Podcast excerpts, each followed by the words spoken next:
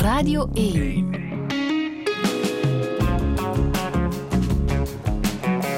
Douche. Met Friede Lesage.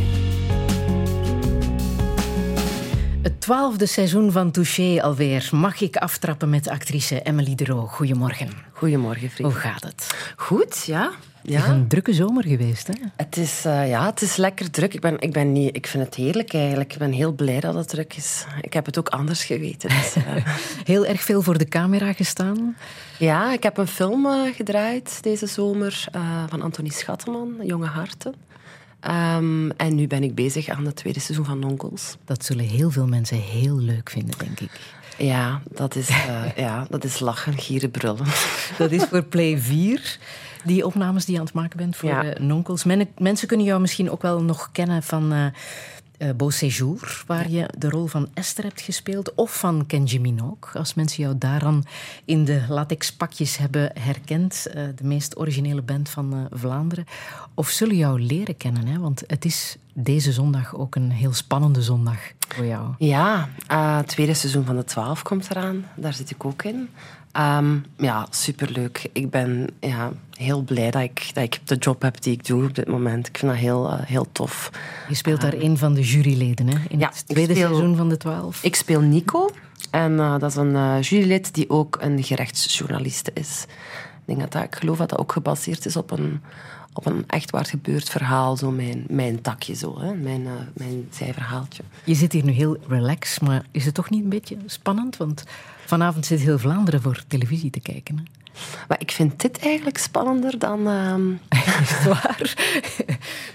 Het is ook de 12, hè? Twaalfde seizoen. Ah ja, daarvan, dat, ja. Deze Maar- zondag staat in het teken van de 12. ja, Maar goed, inderdaad. vanaf vanavond is de serie te zien. Ook op VRT Max dan natuurlijk kunnen mensen de serie volgen. Hoe ga jij zelf kijken? Ik ga thuis kijken met mijn, eh, met mijn man. Ik weet niet of dat mijn kinderen eh, mee zullen kijken. Het is een beetje laat, denk ik. Ehm, maar thuis, ja, op mijn gemak. In, eh, in mijn gezellige, ja, een gezellige omgeving zo. Je hebt het natuurlijk al gezien, hè? Ik heb de eerste twee afleveringen gezien. Dus, En? ehm, en het is extreem spannend. Er wordt ongelooflijk fantastisch in geacteerd door ehm, geweldige, de geweldige cast. Ehm, ja, en ehm, ik ga zeker kijken en blijven kijken. Ja, tuurlijk blijven kijken. maar, maar ja, het, eh, het eerste seizoen was ook een heel goed seizoen. Dat heb ik ook heel graag gezien. En ik denk dat dat tweede niet moet onderdoen. Dus, Hoe zou jij jezelf omschrijven? Ja, ehm, ja ik, ik ben een, eh, een, zowel een beetje een ehm, speels iemand wel. Ehm, ik vind dat tof om dat te behouden, zo. Dat, dat, intuïtief. Ik probeer heel hard te voelen met mijn, eh, met mijn voelspriet. En ja, een, eh, een plantrekker, dat heb je zelf al aangekondigd in Ja. het filmpje. Maar dat, dat ben ik ook echt wel.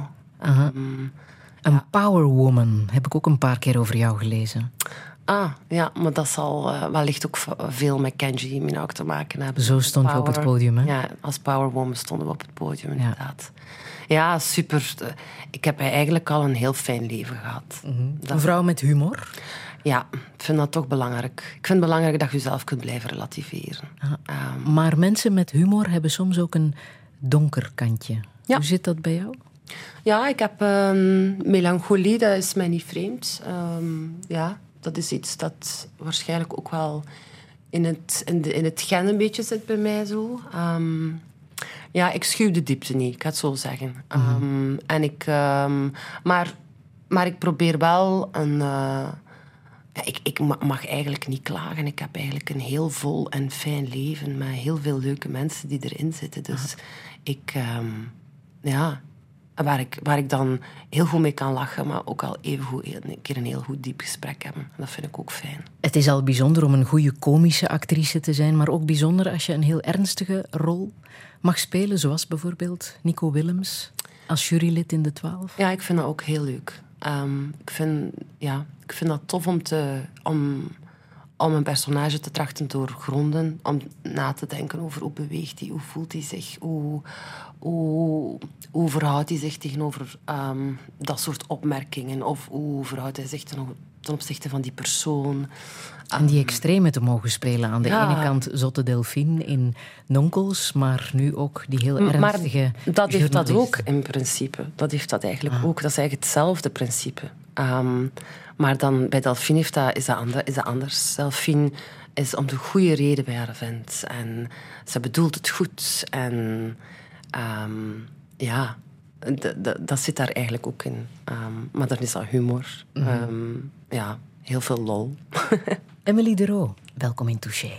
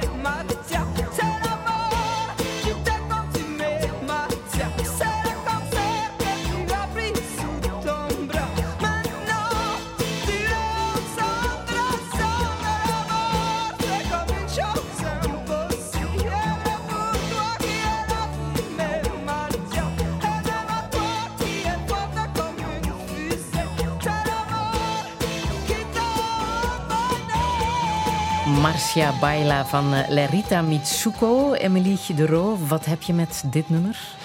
Ga, ik ben zo ehm, opgegroeid met, eh, met het MTV-gegeven. En ehm, dat was heel beeldend. En, en ehm, ja, ik, ik, ik heb dat als kind gezien en ik was heel gefascineerd door die videoclip ook. En door die, door die zangeres. Ik vond dat ook een gekke, gekke doos eigenlijk. Ik dacht van, wauw, wie is dat? Ik vind andere nummers ook, want ik had getwijfeld tussen... en die vind ik ook wel een heel tof nummer. Dansnummer ook, hè? een heerlijk dansnummer. Ja, ik, ik, dat- ja dat vind ik ja, gevoeld. Om de wel. zondagochtend mee in te zetten. Ja. Zou het een nummer zijn waarop eh, Nico Willems ook danst? Ehm, nee, dat denk ik niet. Hij is- Nee? nee ik denk, eh, ja, nee. Eh, of misschien wel op een zatte avond. Nico Willems is een van de juryleden van de Twaalf, de serie die vanavond te zien is op VRT1. Vier jaar na het eerste seizoen van eh, de Twaalf, toen stond Fried Palmers. Ja. Fantastisch gespeeld door Maaike Kafmeijer terecht voor een dubbele moord. Deze keer volgen we het Assepoester-proces over de moord op een moeder en stiefmoeder, Marianne. Jouw ehm, personage, en ik laat ook even die spannende muziek horen van eh, Jeroen Swinnen. Dat maakt het allemaal, hè. dat maakt het af. Ja. Hè. Ehm, jouw personage, Nico Willems, is eh, een gedreven gerechtsjournaliste die heel graag in een volksjury wil zetelen en dan eindelijk de kans Het krijgt, gebeurt, ja. denk ik. Hè. En Ja. dankzij haar rol leren we ook wel veel over hoe dat precies in elkaar zit, een Ja, assiseproces. ja en, en ja, zij, zij, zij is degene die goed weet hoe dat je zoiets moet benaderen. Dat je je emo- emoties niet, eh, niet moet gebruiken in zo'n rechtszaak. En dus ziet zij ook hoe dat de andere juryleden daarmee omgaan. En dan eh, ja, probeert ze, ze probeert die iedere keer wel een klein beetje bij te sturen. Ah, zo. te corrigeren. Te corrigeren van, hey, eh, hou je wel mm, je hoofd bij de les eigenlijk. Was jij zelf iemand die eh assisezaken volgt? Had je daar al interesse voor? Ja, ik vind dat wel, ik vind dat wel boeiend. Ik heb ook eh, de assisezaak gevolgd die ehm, net voor de opnames begonnen. Was er een eh, op televisie, geloof ik. Die heb ik ook echt wel gevolgd. Ehm, ja, ik vind dat toch wel, ik vind dat toch wel ja, spannend. Omdat zeker als, een, als, een, ja, als er iemand bij voet en, en stuk be- be- beweert van oké, ik ben niet schuldig. En de twijfel die daar dan insluipt door die be- bewijsvoering. en ehm, ja, dat is toch iets raar. Je moet het ook maar volhouden hè? Om, om, om de leugen in stand te houden. Ik denk dat dat ook niet, niet evident is. Terwijl het vaak gaat over gruwelijke moorden, ook in dit geval. Ja, Ja, toch ook iets heel erg confronterend om daar dan zo je in te willen verdiepen. Ja, ik, eh, ja ik- dat, is, dat is mens, hè. dat gebeurt. Hè. Ik, je leest het altijd. eh, Het, dat was deze week nog in de krant. Ehm, dus het, het gebeurt. Hè. Ehm, Wat heeft jou het meest ehm, verrast? Want ik kan me voorstellen dat je ook wel een en ander hebt geleerd hè, door nu zo dicht op, eh, op dit scenario te zitten. Maar het gaat eigenlijk in mijn, met mijn personage, zonder veel eh, te vertellen natuurlijk, vooral over mijn, de intuïtie dat je hebt. Hè. Ehm, al de kennis die je opgebouwd hebt als, ehm, als ehm, journalist ehm, en de materie die je heel goed kent en weet. En ja, wat er in mijn persoonlijk leven gebeurt, brengt mij eigenlijk aan het, eh, aan het waggelen. Ik ben... ehm, daardoor weet ik eigenlijk niet goed of ik nog op mijn eigen ehm, kennis en mijn intuïtie kan vertrouwen. Want dat is het ook. Hè? Het is een jury van twaalf gewone mensen die oordelen over het leven van eh, de beklaagde. Ja, Ehm, die twaalf mensen hebben ook een eigen, eigen leven. Hè. Dat loopt door. En die inderdaad. Hebben ook morele dilemma's in hun eigen leven dat soms mee eh, Dat vind- bepalend is voor, voor wat ze denken en, en hoe ze beslissen. Dat vind ik het mooie aan de twaalf, dat je dat, je, dat, je dat toont. Mhm. Ehm, want ah, wat gebeurt in je persoonlijk leven kan je, je manier van denken sturen. Ehm, als je nu net in een, eh, in iets, eh, in relatieproblemen hebt en het is een passionele moord, ga je daar anders naar kijken dan, dan dat je dan zou doen als je een heel eh, vredevolle liefderelatie hebt. Dus het, het kleurt de manier waarop dat je naar de dingen kijkt, de manier waarop dat je denkt. En het zijn ook heel uiteenlopende mensen. Hè? Ehm, Ja, Met en een heel eh, verschillende achtergrond. Ja. Wat zit er zoal tussen, tussen de twaalf? je hebt een, eh, een hele volksfiguur die ehm, in een koekjesfabriek werkt. Ehm, Eh, dat is een he- hele fijne rol ook. en dan een, een stiller personage, iemand die heel eh, introvert is, ehm, amper ehm, durft. ehm, ja, iemand die al heel haar leven een klein beetje onderdrukt is geweest en nu zo opnieuw uit haar scheld moet komen. Dat is de geweldige rol van Chris Nietveld. Ja, geweldige madame. Ah. Ja, ik, Prachtig om te zien. Ja, heerlijk. En ook een, een, ja, die doet dat zo goed. Hè. Je eh, ik vind dat een, een fantastische actrice. En ook een geweldig mens eigenlijk. Ik heb mij heel goed geamuseerd met Ah. eh, Chris op eh, de set. Wat heb je zelf geleerd over schuld en onschuld? Ja, ehm, dat je dat. Ja, wat heb ik geleerd over schuld en onschuld? Dat je daar eens diep moet over nadenken. Dat, ja, dat je niet zomaar dingen moet aannemen, wellicht. Dat je niet zomaar... Dat je altijd rationeel moet denken en, en absoluut geen emoties bij, bij betrekken. Dat je eerst inderdaad, zoals dat je zegt, overpeinzen, goed nadenken. ehm, en het proberen rationeel te benaderen en niet emotioneel. Ja. Wat meegegeven wordt in eh, de serie is dat je als ehm, beklaagde mag liegen. Getuigen moeten de waarheid spreken. ja, ik wist dat eigenlijk ook niet. Dat is... ehm, Je mag je eigen waarheid verzinnen in de Inderdaad. rechtszaal. Ja, dat, dat is iets dat ik... Dat, wel, als Wat de is- advocaten doen natuurlijk. hè, wat, met wat ik dan. Mhm. geleerd heb, is dat. Ja, Dat je als getuige mocht liegen. Dat is raar. Als ja. getuige moet je de Ah, waarheid eh, als spreken. getuige moet je de waarheid spreken, maar dat je wel moet... Ja. Dat, dat, dat is... Ja. En dat maakt het natuurlijk wel heel erg moeilijk om de echte waarheid te achterhalen. ja. Stel dat ze jou vragen om eh, in een assisejury te zetelen. Zou je dat doen? Waarschijnlijk wel, omdat ik iemand ben die nieuwsgierig is. En eh, het lijkt mij wel... Maar je bent wel natuurlijk over iemands leven aan het eh, oordelen. Hè. Dus ja, ik weet het eigenlijk niet. Ehm, Het is een burgerplicht, hè? Het is een burgerplicht, ja. Het is mij nog nooit gevraagd. Gelukkig, maar... Daar zijn voorwaarden aan verbonden, hè? Ja, ja, ja. Je mag bijvoorbeeld geen strafblad hebben. Ah ja. Ik heb geen strafblad. Of dat denk ik toch niet. Ik bedoel, Nog even. Van die ene keer misschien, maar nee. Ze mogen bellen naar Emily de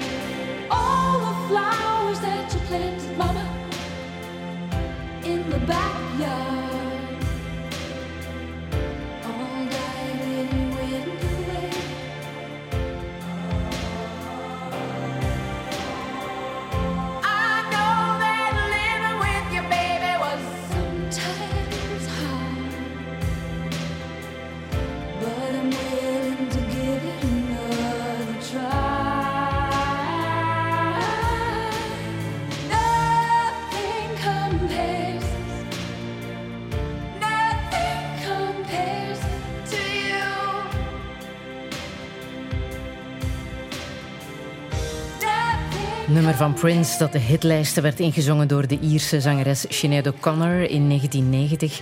Nothing Compares to You. Met die videoclip waarin ze vijf minuten lang close en recht in de lens zingt. Emily de Roo, het heeft ook op jou indruk gemaakt. Keihard. Indruk. Ja. Keihard. Ja, ik, ehm, ik weet dat ik als kind ik krop in de keel kreeg als ik naar haar keek. Ja. Ja, ik vond dat hij zo, ehm, zo sprak, maar fantastisch grote ogen ook. Ehm, ja, heel gevoelig. Je voelt daar de pijn ook wel dat zij, dat zij gehad heeft, vind ik. Ehm, Afgelopen zomer was haar laatste. ja. Ze is 56 geworden. Ja. Hoe kwam dat nieuws bij jou binnen? Ik had de documentaire ook gezien. en dat is een ja, fantastische documentaire over haar. Ehm, het is een beetje een triestig, triestig verhaal. Hè. Het is een, ehm, een, een, meisje die ehm, mishandeld is geweest door haar, door haar moeder. In een, in een, in een eh, instituut of instelling is geraakt. Waar ze dan ook nog eens van alles heeft meegemaakt. En dan, eh, en dan een soort van vechter en de manier gevonden om haar, eh, om haar pijn eh, een plek te geven. En dat was zingen. En hoe hard dat die dan is aangepakt geweest door... ehm, ze was eigenlijk een soort van... Ze was de v- voorpartijt eigenlijk. Ehm, En dat korte kopje was ook wel tekenend natuurlijk, hè? dat afgeschoren haar. ja, ik, ik weet nog dat ik, dat, dat zoveel... Ja, ik heb zelf ook zo'n haar gehad toen. Echt waar? Ja. Afgeschoren. Afgeschoten. Ja, heel kort, ja. Ah. Heel kort. Als ik tien was, ja, heb ik dat gedaan. Dat had ook mede te maken met een, een jongen in de klas die ook niet veel haar had. Maar en, ja, ik, ik was... ehm, ja, ik was een beetje een klein genietje dan op een of andere manier. Maar ik, ik, had, ehm, ik was ook een beetje jongensachtig. Ehm, ik ben altijd al... Ja, ik, ik had een, een pet aan en ik was een, ik was, ik was een beetje jongensachtig. En hoe werd Ja. daarop gereageerd? Heel veel mensen zeiden manneke tegen mij. En ik vond dat niet erg. Ik had zoiets van, zeg jij maar wat je wilt. Ja, ik ben wie dat ik ben. En thuis, Ehm, dat jij je haar had afgeschoren of toch kort Ja. had geknipt? Ja, mijn ouders die gingen daar gelijk wel in mee. Die hadden zoiets van, ja, als ze dat wil doen, doe, laat ze maar doen. Ehm, die hebben dat altijd wel gedaan, zo. Was Maar dat die- de sfeer ten huize de Roo? Ja, ehm, ik was altijd al een, een creatief kind. Ehm, ik wilde mij... Ja, ik, ik, ik deed mensen graag lachen. Mijn ouders vonden dat leuk en die lieten mij, mij begaan. Dus, ehm, en die hebben mij wel gestimuleerd daarin. Ah, die vonden dat wel tof. Jij zegt over je eigen familie, het is een familie met een hoek af. Het zijn jouw woorden, hè? Ja, dat is wel, dat is wel zo. Uh, maar wel een... een ehm, ik weet nog, als kind heb ik, heb ik dat altijd ehm, als een ongelooflijk fantastische ehm, eh, plek eh, gezien. Ehm, ik vond dat geweldig. Ik was heel trots op mijn familie. En dan bedoel je ook de grotere familie, niet Ja, mijn, gezin. mijn, mijn mama komt uit een, een boerengezin echt, met tien kinderen. Mijn vader was een, eh, die hadden gewoon, we waren met vier. Dat was Mimi Dichte en Mimi Verre. We woonden niet zo vreselijk veel ver van elkaar, maar dat was duidelijk. Ehm, dus, eh, en Mimi Dichte, ehm, die, was ook een, dat was een, een taaie madame zo. eh, altijd eh, we- gewerkt tot de laatste snik eigenlijk. Ehm, die heeft heel veel voor ons gezorgd. En dan had je Mimi Verre en Mimi en, Pippi Verre. Maar Pip, mijn Pippi is heel vroeg gestorven. En ik had daar een hele speciale band mee, vond ik. Mijn Pippi, ik vond dat een hele mysterieuze man. Had ook een ehm, heel veel... ehm, ja, had ook een, melancholische blik. Zat heel veel bij zijn dieren. Ehm, en ik heb daar heel mooie herinneringen aan, aan de tijd van de boerderijen. Ik voelde mij als kind... De wereld was... Ik ik speelde in de natuur. Ik had een, een hond bij mij. En ik had koeien en, en varkens. En, en ik heb, mijn jongste herinnering is een van mijn opa. Die mij vroeg, als ik, maar was ik nog heel klein... Of dat ik een keer... Ik, ik was de klein. hè. De klein, ah, de klein kom ik hier hè, eh, naar de stal. en dan moest ik naar de stal komen. En dan was er een eh, zeug aan het bevallen. En eh, mijn opa die had problemen. En hij zei van... Houd er een keer in mijn hand en pak dat beest. En dan heb ik dus een, een beetje op de wereld gezet. En ik, kan, ik kan me dat nog echt levendig herinneren. Je kan dat. Ik heb dat al een keer gedaan. Maar dat dat kind, is normaal? Zo'n zo'n boerenleven, zo'n gezellige grote familie waar altijd wel iets te beleven valt, dat, Dat. is normaal? Normaal, dat is mijn normaliteit. Dat Ja. ik, ik ken niet anders. Maar ik vond dat wel geweldig. Want eh, toen mijn opa stierf, kwam Hansa, die familie wel nog altijd samen. Ehm, elke zondag. Mijn oma maakte dan een hele grote ketel met soep. Ehm, tomatensoep met balletjes was dat. En dan mijn onkel Gilbert, die, die was slager, die bracht dan gekap mee. En eh, wij zaten dan met... Ja, iedereen had zijn partner ook mee. Dus wij zaten met twintig man en vijftien kleinkinderen. Ehm, dus dat was elke zondag een gigantische nest bij, op, op, op het erf van mijn, van mijn oma. Ehm, en ik heb dus als, als herinneringen aan mijn jeugd ook echt maisvelden, kampen bouwen in de maisvelden. En ons, pit- eh, ons die dan achter ons zat, we mochten er niet in. We maakten dan gangen in, in de, ga- in de mais. En, eh, of op de hooizolder. We hebben een, een- een- dat, is- dat is een, een geweldige plek om als kind te zitten. Ik, ik, ja, ik vond dat echt het, het summum. Ja, ik weet nog... Ja, Heerlijke jeugd. wel, ik, ik, ik- als ik wat ouder was, ging ik gaan lopen, begon ik zo te sporten. En ik kon het vergelijken met een runner's high. Dat idee. Op het moment dat ik een runner's high had, zei ik van, dit is het, hetgene wat ik voelde als, Als kind. kind, ja. Ik liep ook overal naartoe. Ik, ik stapte nooit, dat was overal naartoe lopen, maar we moesten gaan halen voor een kamp te bouwen en dat. En dan gingen we naar, eh, dat was een heel groot terrein ook, eh, met mega hectares en, en heel grote ehm, eh, stallen. Dus je moest altijd overal naartoe lopen. Ja. En ehm, ja, toen... Ja, ik had een heel fijne tijd als kind. Ehm, heel, heel dicht bij de natuur en bij dieren. Ah. Ja. Ik wil nog even terug naar Sinead O'Connor. Die heeft een aantal jaren geleden in een gesprek met Oprah Winfrey verteld over haar bipolaire stoornis. Dat Ja. ze die diagnose had gekregen. Hè? ja, inderdaad. Ook iets wat herkenbaar is voor jou. Ja, ehm, mijn mama is eh, bipolair. Zij eh, heeft die diagnose ook nog niet zo lang gekregen. Ehm, ja, dus dat is ook wel... Dat is raar. Dat is heel raar, want, want dat was als kind nog helemaal niet duidelijk of zo. Ehm, dat is pas later... eh, later eh, heeft ze die diagnose pas gekregen. Maar ik denk dat ik als kind, omdat ik redelijk gevoelig ben en sensitief, wel altijd wel misschien iets gevoeld heb of zo. Of het, ja, het leed van mensen of zo. Of, ja. ja, het is iets dat... Ja, dat... Ik heb het gevoel dat ik eh, snel naar mensen kijk die, waarvan ik voel van oei, ehm, ik, ik voel iets. Daar, daar zit iets zo. Ja. Dat is raar. Ik trek dat ook aan op een of andere manier. Dat is, eh, En dat die diagnose pas op latere leeftijd is eh, gesteld. Hoe kwam dat?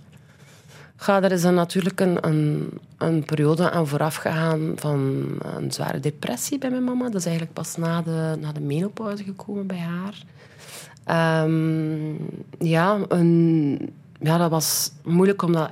Ja, als je in een depressie zit, wil je je ook niet altijd laten helpen. En dat was heel frustrerend voor, voor, mij, voor mij en mijn zus. Ehm, omdat we dat wel wouden. Nu is dat, nu is dat helemaal opgelost. Mijn mama heeft de, de juiste zorg en eh, is helemaal terug eh, mijn mama. Ehm, maar toen ja, is zij in een dal terechtgekomen. ehm waar ze het einde zo echt eh, heel lang niet van gezien heeft eigenlijk. En de diagnose bipolaire stoornis, heeft dat ook iets duidelijk gemaakt? Iets helder gemaakt Ja, om de dingen te begrijpen? Toch wel, ja. Toch wel. Op welke manier? Dat is raar, want, want je bent daar ehm, als kind eh, totaal niet mee bezig. Ik vraag me ook af, ik denk dat je het ook kunt krijgen op latere leeftijd. Ik denk niet dat je ermee geboren wordt, sowieso. Dat, dat vraag ik mij af, dat denk ik niet. Ehm, maar ehm, Maar mijn mama is altijd ook een powerwoman geweest, hoor. Ik heb haar altijd gezien als een, eh, als een powerwoman. Ja, ik vond haar... ik had daar een heel sterke band mee. Dat was een heel eh, eh, krachtige vrouw. Die is maar tot haar 14 jaar naar school gegaan. Die komt uit zo'n heel groot gezin. Heeft, hebben ook wel armoede gekend. Dus dat, zij heeft haar leven echt in, in, handen genomen, zelfstandig geworden, gewerkt, een werker ook, ervoor gaan. En ook iemand met een funny views, die heel veel plezier, graag plezier maakte. Ehm, dus ik heb haar altijd wel zo als een, ja, als een, een powerwoman gezien. Ja. Maar ook Maar met dan- een grote gevoeligheid. Met een heel grote gevoeligheid. En om dan te zien dat, dat, dat die power... ehm, want ik lijk echt op mijn mama. ehm, dat die power dan ook kan uitoven. Zo, dat, was wel, dat vond ik wel eh, verontrustend. Omdat ik dan denk van... Wauw, ja, het kan ook zo. En, en, en, En het kan ook bij mij. Denk en het dat- kan ook bij mij, ja, tuurlijk. Want je bent sowieso al, al een, een beetje meer gevoelig als dat in je, in je familie zit. Mijn, eh, mijn grootvader, ik weet niet, ja, in die tijd was dat natuurlijk niet echt. eh, waren er niet echt eh, psychologen in elk dorp, eh, in elk boerendorp, om de boeren een keer onder aan te nemen. maar ik weet wel dat zijn moeder, of de moeder van mijn oma, ehm, ja, dat, dat, dat daar ook wel iets aan de hand was. Ehm, ja, maar ik vind dat wel jammer dat ik dat eigenlijk niet weet, want ik zou dat wel willen weten. Ehm, ja. Maar ja, dus eh, ja, het, het, het, zit, het zit in mijn familie. Het is iets dat er, dat er zit. Ehm, en ja, mijn mama heeft natuurlijk ondertussen wel de hele goede hulp gekregen. Eh, kan het zelf ook al voor zichzelf benoemen, wat ik wel al een hele grote stap vind. En herkennen. En herkennen, want dat is natuurlijk ook niet gemakkelijk. Want ik kan me voorstellen, als je, het, als je dat hebt, dat je niet altijd op jezelf kunt vertrouwen. En dat dat... Want hoe uit het zich? Hoe, eh, Ehm, wel, mm, op dit moment is mijn, mijn, heeft mijn mama al, al heel lang, is mijn mama al heel lang stabiel. Ehm, maar er zijn periodes geweest dat ze echt heel zwaar depressief is. Dat ze dan haar wegtrekt eh, in haar bed. Ehm, zijn die tegenstellingen tussen heel vrolijk en aanwezig zijn en er niet zijn? Ja, ja, dat. Ja, inderdaad. Ja.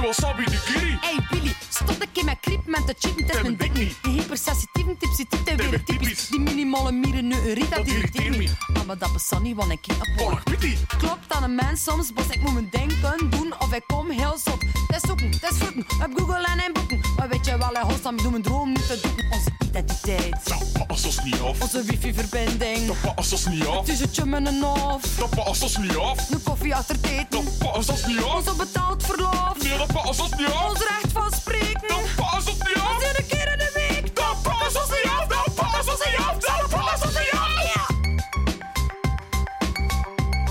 Dat past ons niet af. Dat pakken ze niet af,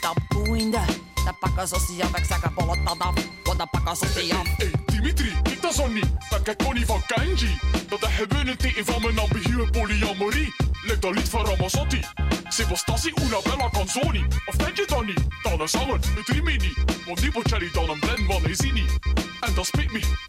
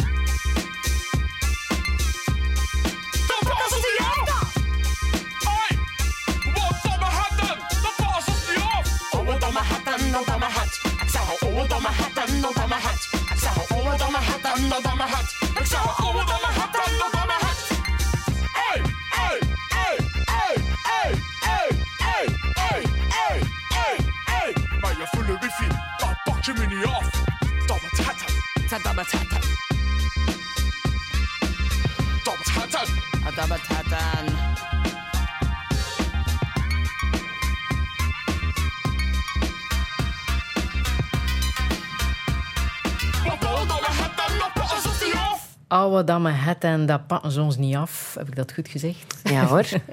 Kenji Minogue, geweldig nummer, Emily de Roo.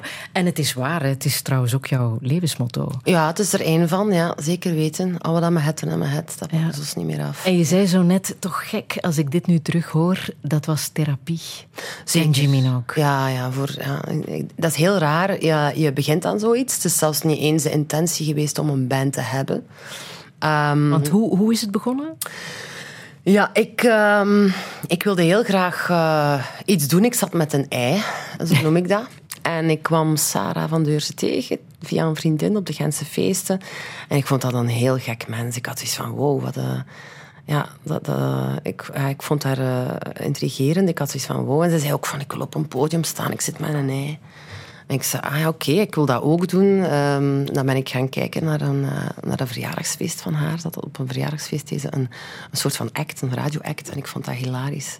En ik zei van, ik wil echt iets met, doen met u. eh, laten we samen iets doen. En dat is heel, allemaal heel snel gegaan. Eh, mijn man, die, ehm, die is muzikant, eh, David. En hij, ehm, hij had een computer vol fantastische nummers. Maar hij is zo iemand die ehm, altijd zegt, het is nog niet af. Het is nog niet af. het is nog niet af. En ik zei, maar allee, dat is keigoed. Doe daar iets mee. En dan zei, ja, dan zei ik van ja, mijn man heeft veel toffe muziekjes in een computer zitten. We moeten iets maken. En ehm, dan is zij langsgekomen bij mij, bij ons thuis. En dan hebben wij in één, op in één ruk naam, familienaam opgenomen. En ehm, dat was het begin van Facebook. Iemand had mij ook gezegd, omdat ik toen al met het idee zat van ik wil iets schrijven of iets maken, ehm, zei hij van gebruik eh, eh, dat medium Facebook, dat is geweldig. Ehm, niet nadenken, gewoon doen. En dan zeiden wij van kom, we gaan een, eh, we gaan een, een, een videoclip maken. Hebben we direct een vriend opgebeld, Goran. De volgende dag ehm, hebben we dat gemaakt en gewoon online gezwierd. En dat is ontploft in ons gezicht. Echt wel geweldig. Maar jullie hadden hadden er ook een heel, ja, een heel scenario rond verzonnen. Hè? Jullie hadden ook namen. Hè? Jij was eh, Fanny Wille Ja. en, en Sarah was eh, Connie Komen. Ja, Ehm, daar zit al heel veel humor in. Ja. Jouw man was Mr. Pig. ja Mr. Ja. Altijd met een... een, een... En dat, dat had ook een reden. Ehm, hij was eigenlijk gewoon, zeker wat naam familienaam betreft. hij zei, nee, sorry, maar daar zet ik mijn naam niet onder. Ik vind dat nog niet af. Dat is niet af. en ik zei, "Wa- wa- zet een masker op je hoofd en noem u, eh, weet ik veel. eh." En dat is ook zo. En dat heeft hij dus zes jaar aan zijn, ja, zes jaar moeten En doen. qua outfits kon het ook wel tellen op het podium. Hoe strakker, hoe, hoe beter. Hoe meer latex, eh, hoe vrolijker. Ja, ik weet niet of dat, dat echt specifiek over nagedacht is, over die latex. Eh, of over, ja, het was nooit latex, maar het was wel eh, span, spannend altijd. Eh, en ik was zwanger, dus eh, ik heb echt wel... eh, mensen hebben mij in alle formaten gezien, eigenlijk. Ehm, dat is ehm, ja, een samenwerking van allemaal eh, mensen. Want als we het hebben over, eh, over quotes, ehm, is een van mijn ehm, quotes ook wel... eh, ehm, eh, de som der delen. En, en dat is bij Kenji Minogue ook wel zo. We hebben allemaal mensen rondom ons vergaderd. Eh, ik, ik, ik zag dan Tom van der Borg, die maakte gekke dingen en die vond dan onze muziek leuk. En dan zei ik van kom, laten we samenwerken. De Eh, vibe zat goed. ja, dat is... Dat is Tot dat op Pukkelpop, waar je iedereen zo gek kreeg om te doen wat jullie zeiden op Ja, het podium? dat is ook eh, door omstandigheden dat wij dan op Pukkelpop beland zijn. Dat was in, in eerste instantie op zo'n zijpodium, via Cirque was dat, ehm, die ons eigenlijk ook het eerste podium heeft aangeboden. Ehm, en dan mochten we naar Pukkelpop mee op zo'n een, eh, een, zij, een, een klein zijmarktje van, van Pukkelpop. Ehm, eh, ik weet niet meer hoe het heet. Ja, ik weet het ook niet meer.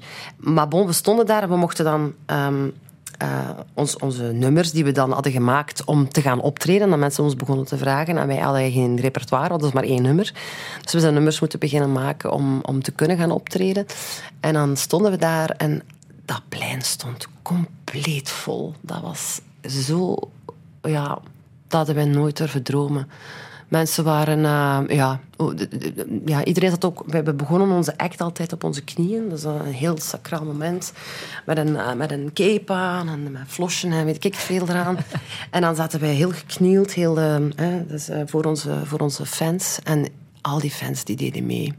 En die, gingen, die kwamen op hetzelfde moment ook naar boven als wij naar boven kwamen. En ik weet nog dat ik kippenvel tot in mijn nek kreeg toen op dat moment. En Sarah ook, denk ik. Dat wij achteraf zeiden van, wat is er hier gebeurd? Wat is dit? Maar je zei zo net, dat was therapie. Ken Jimmy ook. Achteraf gezien. Want a- ik denk niet, als je bezig bent zelf, dat je dat goed beseft.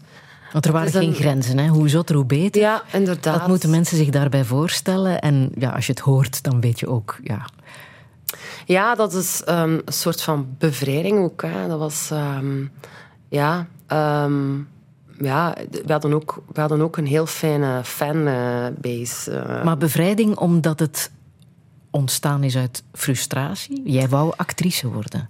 Ja, voor een stuk moet dat wellicht daar ook wel eh bij gezeten hebben. Want ik wilde echt op een podium staan. Ik, ik ben op mijn achttiende... wou ik graag toneelschool doen. Ehm, en ik ben, dat was voor mij ook precies de logische stap na het middelbaar. Want ik had ook woordkunstdrama gedaan in mijn middelbaar in Brugge. Ehm, waar ik een geweldige tijd had. Dat was super tof. Ehm, en dat was voor mij van, oké, nu ga ik naar het conservatorium, nu ga ik naar Herman Teiling. Dan, allee, bedoel, nu ga ik... En je was ervan overtuigd. Ik, dat ja, is mijn, mijn zal pad. zeker slagen. Ja, ik, ja ik, ik, ik- dat is mijn pad. Dat is mijn plan A, mijn plan B, mijn plan C, mijn plan D. En ik kwam aan en ik eh, was zo zenuwachtig. Ik was zo zenuwachtig. Ik wilde dat zo goed doen en ik raakte nergens binnen. Dus dat was voor mij zo'n soort van... eh, ja, mijn eh, hemel viel naar beneden op een of andere manier. En je had ook echt geen alternatief. Nee, ik wilde alleen maar actrice worden. Wat heb je toen gedaan? Ehm, ik, ik heb getwijfeld. Eerst dacht ik van ik ga, ehm, ik ga eh, fotografie doen. Iets met beelden, omdat ik ook wel beeldend denk. Maar ja, dat lukte dan ook niet. Allee, ja, toch, het, was niet het was niet wat ik wou doen. Het was niet wat ik wou doen. Wat deed dat met jouw zelfvertrouwen als meisje van 18 met zo'n grote droom die niet doorgaat? Ehm, uiteindelijk ik, heb ik wel verder gezet hoor. Ik ben eerst beginnen werken. Ik, ehm, ik was al vrij jong, uh, wou ik al zelfstandig zijn. Ik ben ook zo opgevoed. Ehm, ehm, dus ik stond ook al vrij snel op eigen benen. Ik ben gaan werken. En ik dacht, wat moet ik nu doen? Wat moet ik nu werken? Ik ga werk zoeken, ja, ik ga werken. En dan ben ik verkoopster geworden bij Promedia, Gouden Gids. Luchtverkoop, advertentieruimte. Lucht verkopen. Lucht verkopen, ja. Daar Heel moet je goed voor kunnen acteren, volgens mij. Heel veel van geleerd. Ja? Ja, Ja. heel veel van geleerd. Wat heb je daarvan geleerd? Nou, ja, ook ehm, ehm, niet bang zijn om bedragen uit te spreken op je 19. Want ik was 19 en ik, moest, eh, ik weet nog dat ik moest gaan solliciteren. En als ze mij dus vroegen wat, mijn, eh, wat dus mijn ervaring was.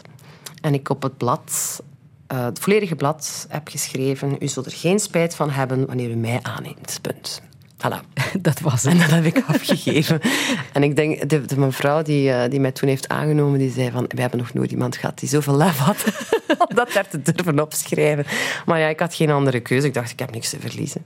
Voilà, hier ben ik. Ja. En ehm, ja, na drie jaar wist ik wel van oké, ik heb het daar heel veel geleerd, maar ik wist wel, ik zit hier niet op mijn plaats. En ik denk dat mijn bazen dat eigenlijk ook wel zagen. En de therapie van Kenji Minogue was... Er moet iets veranderen. Dit is de wervelwind in het leven. Ja, de, de, daartussen ben ik wel, heb ik wel nog wel wat opdrachten gekregen als actrice. Dat waren kleine opdrachten. Dan was dat toevallig bijvoorbeeld ook met de, met de leerkrachten ehm, van, het, eh, van de school waar ik niet werd aangenomen. Dus voor mij was dat wel heel... ehm, Daar heb je mee gespeeld. ja, dan werd ik daar opeens op een set geduwd en dan stond ik tegenover mensen die dus oordeelden over, over het feit of dat jij binnen mocht in de Heb toneelschool. je dat toen gezegd? Nee. Weet je nog wie ik ben? Nee, dat Nee, heb ik gezegd. nee. nee, nee, helemaal niet. Maar ik dacht wel van, damn, die vinden mij niet goed. En ik sta hier en ik moet daar nu mee spelen. Dus dat was heel intimiderend. Ehm, maar ehm, heel veel dingen zelf uitgeprobeerd, zelf uitgezocht. En toen ben ik ehm, bij Gardenia beland. Ehm, als, op mijn dertigste was dat. Ik wou... ehm, Dat is de voorstelling van Les, Les Ballets de Les Ballets de la Baie van Alain Platel. En, eh, Prachtige voorstelling die ook internationaal is gaan toeren. Ja, en ik, ik was daar tourmanager van. Voilà. Ik was Achter de schermen. achter de schermen. Dat was een hele leuk avontuur. En dat heeft mij ook wel ergens ehm, een inzicht gebracht. ehm, Maar een lang traject, hè, als je dat nu vertelt, tot waar je nu staat. Eindelijk die erkende actrice in een grote tv-serie. Dat is nog altijd heel gek. Ik sta, ik sta dan zo met mijn collega's die dan tegen mij zeggen van... "Ah, Emily, eh, je doet dat keigoed. En dan denk ik van, allee, zo zot. Waarom heeft het zo lang geduurd? Wa- ik, heb, ik heb zo lang in die zalen gezeten en ik heb naar jullie gekeken en gedacht van... Oh, wauw, jullie staan er. Ja. En ik niet. En ik niet. En nu, nu is dat, nu is dat heel raar. Ja. Ja. Kenji Minogue, hoe gaat het er trouwens mee? We zijn gestopt. Ehm, ook omdat we alle twee wel andere ambities hebben, denk ik. Ehm, en ook, omdat je het niet meer kan uitleggen? Ehm, Wat je daar op een podium staat te doen? ja, op een bepaald moment zeiden Sarah en ik, we hebben dat ook ooit gepost, van amai, wij zijn nu opeens gelukkig. we kunnen niet meer, we zijn gelukkig. dus ja, we hebben niks meer te vertellen. Voilà.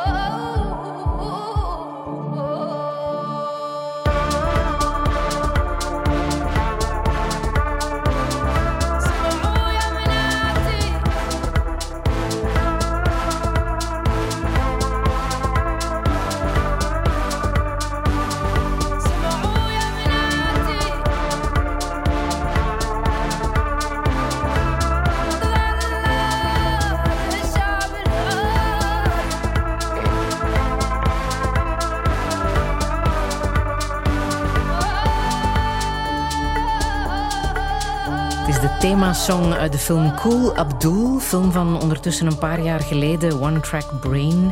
Emily de Roof. eh, over de Gentse bokskampioen Ismail Abdul. Die hier trouwens ook toen te gast is geweest in eh, Touché.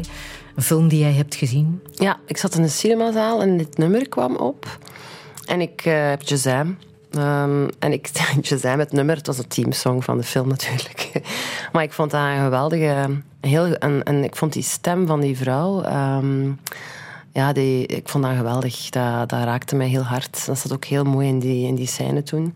Ehm, en iedere keer als ik het nummer hoor op de radio, dan, dan krijg ik terug eh, kippenvel. ehm. Want alles maakt natuurlijk iets af. Ook de muziek. Niet alleen de acteurs of het scenario. het zal wel zijn. Maar jij kijkt zijn. naar alles, omdat je zelf ook bezig bent met het schrijven aan een serie. Ja, ik ben, ehm, ben nu bezig aan een, eh, aan een black comedy samen met Dries Heineman. Een black comedy. Ja. ja, dat is natuurlijk de twee bij elkaar. En waarom is het dat dat jou het meeste intrigeert? Ehm, ja, omdat dat... eh, eh, ik, ik kijk graag naar, eh, naar zoiets... Ik mag wel een rauw kantje hebben voor mij. Ik, vind dat, ik ben daar niet bang van. Ik vind dat ook wel mooi. Ik kijk ook wel graag naar rauwe dingen. Zoals, wat eh, inspireert jou? Ehm, ja, de, de eerste film ehm, eh, eh, die ontzettend veel ehm, eh, indruk heeft gemaakt op mij was. Aan het denken. ehm, Requiem for a Dream. Dat is een heel rauwe film, extreem rauw. Maar dat eh, miste zijn doel niet. Ik, had wel, ja, ik, ik was daar wel zwaar van onder de indruk. Ehm gaat over een eh, verslaafde ehm, en de verslaving die, die u meeneemt en die volledig uw leven verwoest. En die personages die speelden dat zo geweldig. Ah, ik was, ja, nee, dat was, ja, dat vond ik een heel, ja, die film is mij heel hard bijgebleven. Ehm, ook ehm, de, de manier van ehm, eh, cameravoering, want daar, daar, ja, daar let ik wel op. Ik ben iemand die wel beeldend is, of beeldend... Ja, ik, ik vind dat ook wel be- eh, inderdaad belangrijk. kan ook veel dat vertellen. gezegd. Dat kan heel veel vertellen, ja. Ja. En qua series, waar, waar kijk je naar? Wat, wat dat mij nu, eh, zeker in, eh, voor eh, het project waar we mee bezig zijn, ik en Dries, eh, is The White Lotus van Mike White. Eigenlijk alles van Mike White. Ik vind Mike White een geweldige man. Kan je zeggen waarom? omdat hij. ehm, ja, het, het toffe is, eh, vind ik, wat hij eh, doorheen al, al zijn werk doet, is ehm, ehm, eh, wel een beetje lachen met, met eh, de ongelijkheid van, van in de maatschappij, de rijken versus de armen, de manier waarop dat zij naar het leven kijken. Dat heb je in The White Lotus heel hard. Ehm, wat heel mooi is, vind ik ook, is dat hij altijd de blinde vlekken van de mensen toont. En zijn personages, daar zitten heel veel blinde vlekken in. Dat vind ik, vind ik fantastisch om naar te kijken. Enlightened heeft hij gemaakt met Laura Dern. Ja, een geweldige actrice, Laura Dern. Gemeenschappelijk thema is telkens onmacht. Hè? Onmacht, ja. Heel interessant om humor mee te maken. Om die pijnlijke humorkant naar boven te brengen. Ja, ook. Ehm, maar onmacht is eigenlijk wel... Ja, ik vind dat wel een... ehm, ja, dat is een sterke emotie, onmacht. Ehm, daar Kan je veel mee Daar doen. kan je heel veel mee doen. Ja, Ja. Heel veel. En ik merk dat dat toch... In de films die ik heel graag zie, komt dat toch iedere keer wel naar boven. Zo. En dat zal Ehm. waarschijnlijk ook in jouw black comedy wel naar boven komen. Zeker het onvermogen ook om te doen. Emily de Roo. Wij praten zo meteen verder. Radio 1.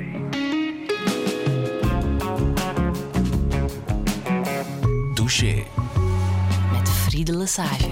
Het twaalfde seizoen van Touché beginnen we met actrice Emily de Roo. Vanaf vanavond is ze te zien als jurylid in het tweede seizoen van De Twaalf. Het brengt haar acteercarrière in een stroomversnelling. Al heeft ze daar heel lang moeten op wachten. Uit frustratie speelde ze de pannen van het dak met de vetste band van het land, Kenji Minogue, waar ze gehuld in latexpakjes en veel schmink haar eigen grenzen ruimschoots overschreed. Maar hoe moet het verder? Wat is haar definitie van geluk? En wordt er nog genoeg gelachen? Dit is Touché met Emily de Roo. Een goede middag.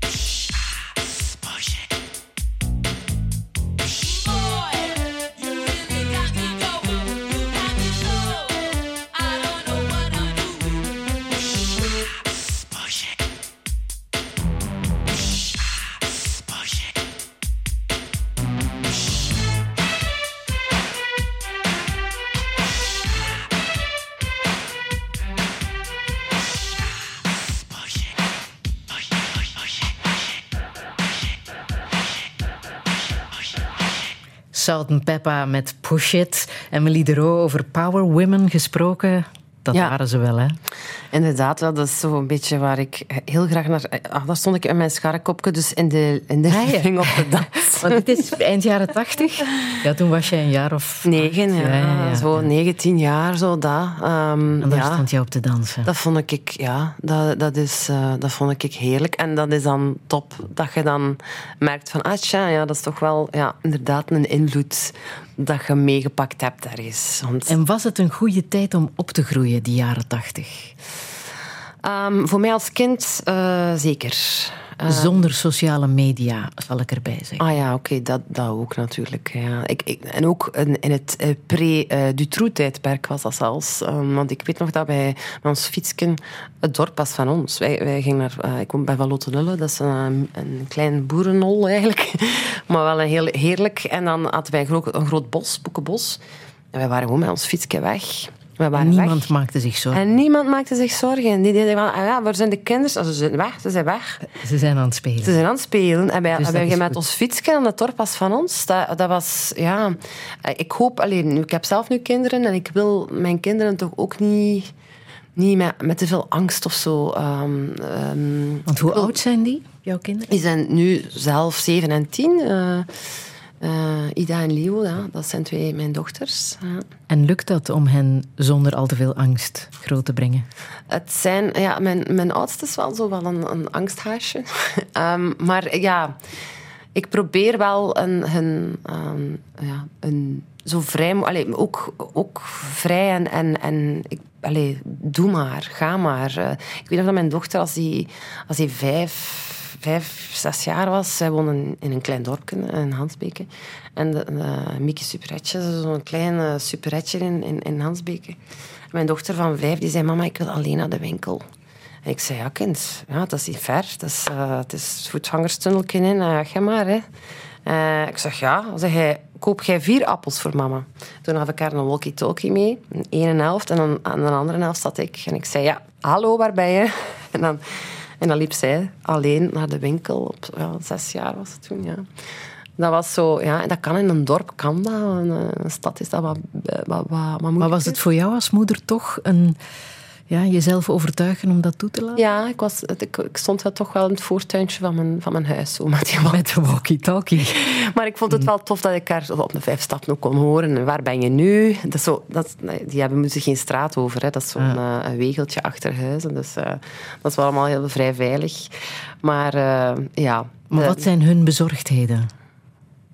Want dat begint te komen naast. Ja, ja, nu is dat bij mijn dochter, ja, die is tien. eh, ik denk dat dat vooral is, eh, mama en papa zouden er niet meer zijn. Dat dat, dat hetgene is dat, ehm, dat, dat bij hun speelt. Zo, ehm, ja, het een beetje verlatingsangst, denk ik. Of gewoon van, ja, de dood, de dood is, is, dat bestaat. Eh, dat kan. Dat, dat kan dat iemand er opeens niet meer is. Ehm, ja, dat dat, dat, dat, wel speelt. Dat is normaal. Dat is een ontwikkeling van elk kind wel. eh, En wat zeg je dan? Hoe praat je daarover? dan zeg ik van ja, je kan dat niet op voorhand, eh, dat, kan je niet, dat kan je niet weten. Dat kan je niet, dat kan je niet weten. Het enige dat je kan doen is gewoon genieten van elk moment eh, dat je hier bent en, eh, en maken dat dat heel tof is. Want we hebben dit gekregen, eh, we moeten er het beste van maken. En dat is wat wij ook doen. En eh, het is normaal dat je er bang van bent. Want ik was als kind ook bang. Ik heb dat ook gehad. Zijn ze al bezig met sociale media of is dat nog iets te vroeg? Mijn jongste wil YouTubester worden. Ja. Zeg je met diepe zucht. Ja, inderdaad. Dat vind ik. Ja, maar vooral voor de likes. En dan, mama, dan kan ik veel likes krijgen. En dan, dan denk ik van, damn, ja, het is om de likes te doen. Ja. En ja, dat, dat vind ik een verschrikkelijke ontwikkeling eigenlijk. Die, ehm, hoeveel vol- volgers heb je of hoeveel likes krijg je of...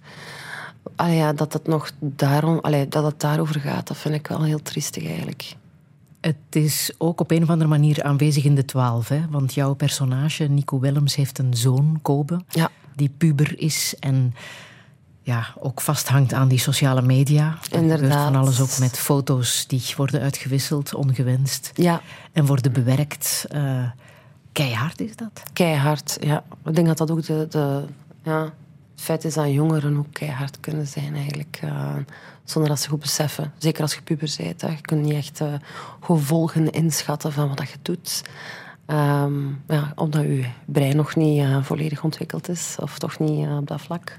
En de onmogelijkheid als moeder om daarin tussen te komen. Ja, Want zo'n puber wil natuurlijk niet dat zijn moeder zich moeit met zijn leven. Nee, inderdaad. Ja. En, en ook het vertrouwen dat je dan... Hè, dat gaat ook daarom. Hè, je denkt dat je, dat je kind... Ja, maar ik, eh, ik, ik, ik, ik durf niet te veel te vertellen. Want natuurlijk ehm, wil ik het nog spannend houden voor de mensen die gaan Ja. kijken. Ehm, maar ehm, ja, mijn eh, personage heeft daar ook mee te dealen. Haar zoon eh, maakt van alles mee. En dat brengt haar aan het wankelen. Hè. Dan, dat brengt haar volledig aan het wankelen. Ook vooral in, in, in, haar, in haar ja, in het feit dat ze denkt dat ze mensenkennis heeft. Ja.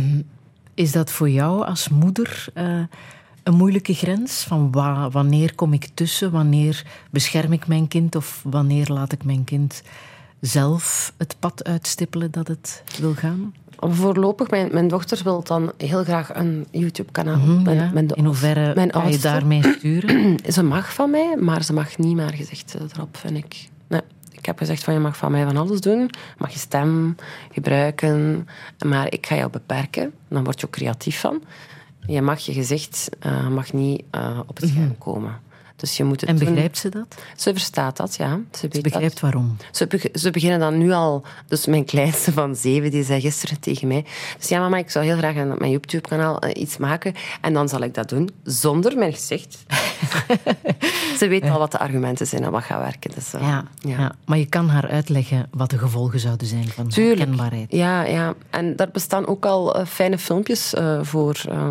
En ik weet nog dat ik dat mijn dochter toch probeerde uit te leggen van... ehm, als je met iemand praat, jij weet niet met wie dat je praat. Dat is, ehm, en ze was ook naar mij zo aan het kijken van ja, ja. En toen heb ik haar zo'n filmpje laten zien die ik vond ook... eh, ehm, die dat ook vertelt eh, voor kinderen en zo. Van ja, je weet niet altijd met wie dat je praat. Dat kan ook... eh, dat kan een, een, een- iemand zijn die zich voordoet als. ehm, en dan had ze wel zoiets van, ah ja, oké, mama, ik begrijp al wat je bedoelt. Dus ik probeer wel ah, te- mijn, mijn argumenten te staven met informatie die ik kan vinden. Heb je ook het gevoel dat kinderen veel sneller hun eigen leefwereld hebben en niet meer zo geïnteresseerd zijn in wat de ouders hen willen meegeven? Maar ik probeer daar nu nog heel hard van te profiteren. Dat ik dat bij mijn jongste ook vooral zeker, en, en ook bij mijn oudste, ehm, nog niet heb. Want ja, binnenkort komt die puberteit eraan, dat is denk ik nog moeilijker. Maar kan jij ze meenemen naar de musea die jij leuk vindt? Of, eh, Ehm, ja, ik heb zo voor, mijn dochter is over laatst eens mee geweest. eh, want wij hebben ooit, eh, vorig jaar of twee jaar geleden, nog eens opgetreden met Kenji Minogue. Toen heb ik haar meegenomen naar een, naar een optreden. Voor haar was dat... Omdat ze als kind is, ze- is het wel meegemaakt, maar ze was twee, twee jaar of zo. En nu was ze tien. En ze mocht mee op het podium. En voor dat kind was dat... Wauw. Ja, dat, dat vond ze wel eh, fascinerend. ja, maar kan je moeder- ze nog warm maken voor alles wat jou interesseert qua cultuur? En, eh, Ja, ik, ik heb ze wel ehm, met heel veel humor ook. eh, want ik en mijn man, wij delen wel een, een soort van humor. Dus mijn kinderen zijn ook wel met die humor ehm, bezig. En dat vind ik heel tof. Ze, ze kunnen zichzelf ook enorm relativeren. En ze begrijpen al het verschil tussen ironie en sarcasme. En, en ehm, wij, wij hebben ze ook... Ik heb ze ook als kind altijd zo dingen aangereikt. Zoals bijvoorbeeld ja, voor het slapen gaan uh, tonen we dan zo'n CGI-filmpjes. eh, zo van die animatiefilmpjes eh, die heel kort zijn voor het slapen gaan. Eh, maar altijd toch wel een soort van moraaltje en zo. Of ehm, ja, de humor. Het mag ook ergens over gaan. Hè? Kate Tempest bijvoorbeeld is iemand die jij volgt. De... Ik volgen ehm, is, eh, is een groot woord. ehm, maar als je mij vroeg van oké, poëzie. ehm, ik ben niet zo heel hard met poëzie bezig, omdat ik met, andere dingen bezig ben. Maar zij, ja, het, is, het is die eigenlijk. ja, die raakt en snijdt. En ik hou daarvan. Ja. Met haar teksten, met haar performance ook. Het is, het is, het is, eh, ehm, Met hun teksten. met hun tekst, Ja. ja. we moeten opletten. Ja. Ehm, ja, ehm, ja en, en zeker wat, dat we, wat, dat we, wat ik heb uitgekozen is, is een, ja, dat is een talent. Hè. Ik, ik vind haar een genie met woorden. De manier waarop dat ze woorden gebruikt. de slam, eh, poetry. Ja, dat had ik to- toen nog niet zoveel gehoord. En als, ik, als, als eh, het nummer uitkwam, was dat voor mij de eerste keer dat ik dat, dat, ik dat hoorde. En ik was daar wel... ehm, ja, ik, was, ik vond dat wel een... een ja, dat, dat kwam binnen. Nu, muziek is sowieso iets wat heel erg aanwezig is. Hè? Ten huize eh, Emily de Roo. Ehm, Texas Sun bijvoorbeeld eh, Ja, wil ik laten horen. Net omdat het barst van creativiteit. En dat is waar jullie thuis mee bezig zijn. Ja, ja we zijn, en ik vind dit, dat is een nummer die in mijn playlist staat. En mijn, ja, als mijn kinderen DJ zijn, weten ze al dat ze daar mama wel waar mee kunnen krijgen.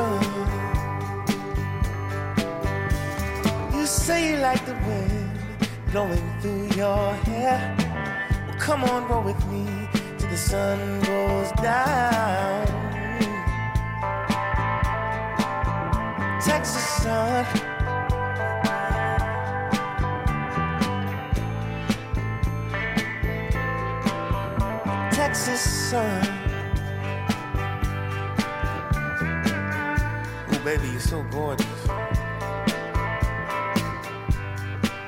about you and me? Take a little trip. In the big body. Take a ride with me, babe. You by my side. How does it sound? You and I.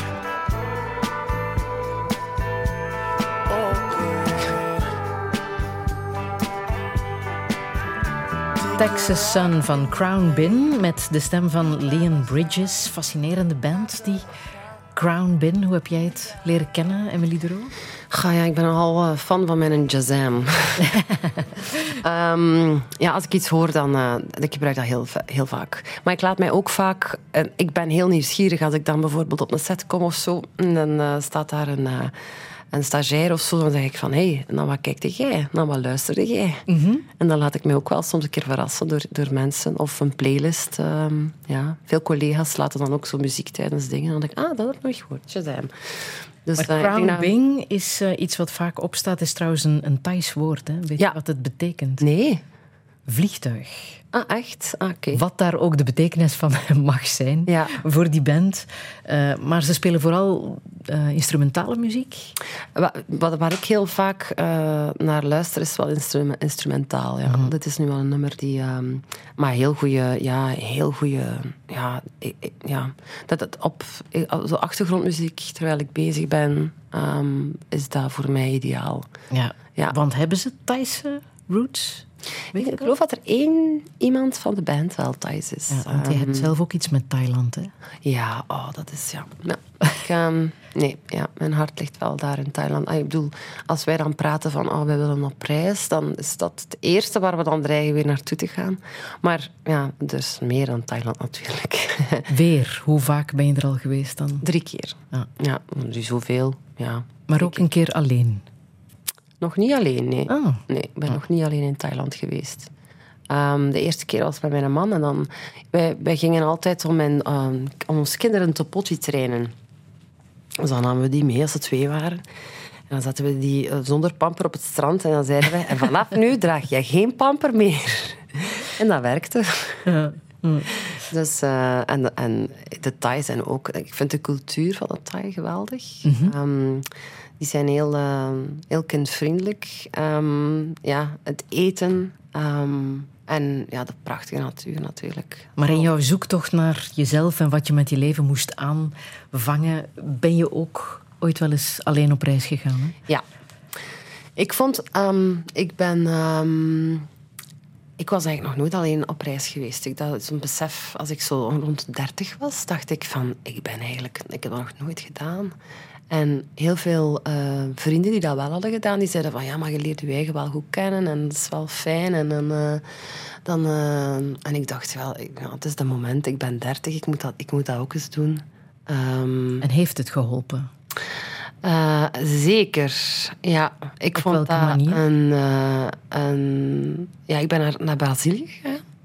Ehm, ik was op tournee natuurlijk, pardon, met Gardenia. En ehm, we moesten in Sao Paulo spelen. En dan heb ik eh, gezegd van oké, ik ga alleen achterblijven. En dan ga ik van hieruit vertrekken. Dus eh, ik was daar wel al om bepaalde reden. Ehm, en dan... ehm, was er een collega van mij die een, eh, een, een huis had op een, op een klein eilandje. Daar ben ik dan eerst een week gaan uitrusten. Ehm, helemaal alleen. Op een, ja... Dat was een heel klein eilandje. Waar, daar, daar, er waren een paar mensen, maar niet veel. Ik kwam er echt niet zoveel tegen. En dan... ehm, maar ik had wel de, de, ik had wel de neiging om ehm, in elke stad waar ik kwam, wilde ik iemand ontmoeten. En ik ehm, was een fervente, ik en mijn man trouwens, eh, waren een fervente couchsurfers. We vonden dat een heel leuke manier van reizen. Dus Dat is bij iemand in de sofa gaan slapen. ja, je komt bij iemand eh, die je al zelf kan selecteren op basis van, eh, van interesses. En in, ja, dat is leuk, want dan kom je natuurlijk ergens en dan hebt beland je met contact. iemand. Je hebt meteen contact, die neemt u mee in die leefwereld en je zit al direct op de juiste plek, precies. Dus ik had, eh, dat- ik had dat in, in Sao Paulo ook gedaan. Ik had eh, heel, veel, heel veel mensen ontmoet waarmee ik dan een koffie ging gaan drinken. En dan vertelde wat, wat, je, wat je daar kwam doen. En eh, wat is er, eh, waar, waar kan ik naartoe hier? Dus ik had dat al gedaan en ik, moest, ik wou heel graag naar Rio de Janeiro. En daarvan had iedereen mij gezegd van Emily, je moet daar niet alleen s'nachts rondlopen, dat is gevaarlijk. Ehm, dat is een gevaarlijke stad, s'nachts voor een vrouw alleen. Ik was ook ja, eh, 30 jaar. Ehm, en ik dacht, ja, dat zal, va- dat zal wel lukken. Ehm, dus ik kwam van dat verlaten eilandje, wou dan naar eh, Rio de Janeiro. Maar eh, mijn vliegtuig had heel veel vertraging. En normaal gezien zou ik om vier uur in de namiddag eh, toegekomen zijn op Rio de Janeiro. En het bleek ehm, één uur te zijn s'nachts. En ik had nog geen hotel. Dus ik begon te bellen op het, eh, de luchthaven naar alle hotels.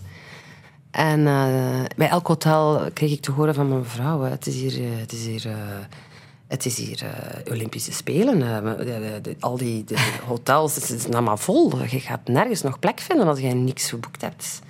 En ik dacht, oh my god, dat is niet waar. Ik ga daar gewoon toekomen in Rio Janeiro in het midden van de nacht en ik heb geen plaats om te slapen. Ehm, ja, dat was wel een, een eh, even eh, ja, eh, alle hands aan dek. En dan heb ik iemand gebeld. Die heeft me dan een telefoonnummer gegeven. Die zei ik heb vrienden daar, daar kan je misschien terecht. En ik, oké, is goed. En ik stap eh, in een, in een taxi met een adres in mijn handen. En ik zeg, ja, ik wil maar daar, maar ik ken die mensen niet. Ik, ik belandde Midden in de nacht. Midden in de nacht. Ik belandde daar dan in zo'n eh, in zo'n eh, een, een, tippel bij, een tippelstraat.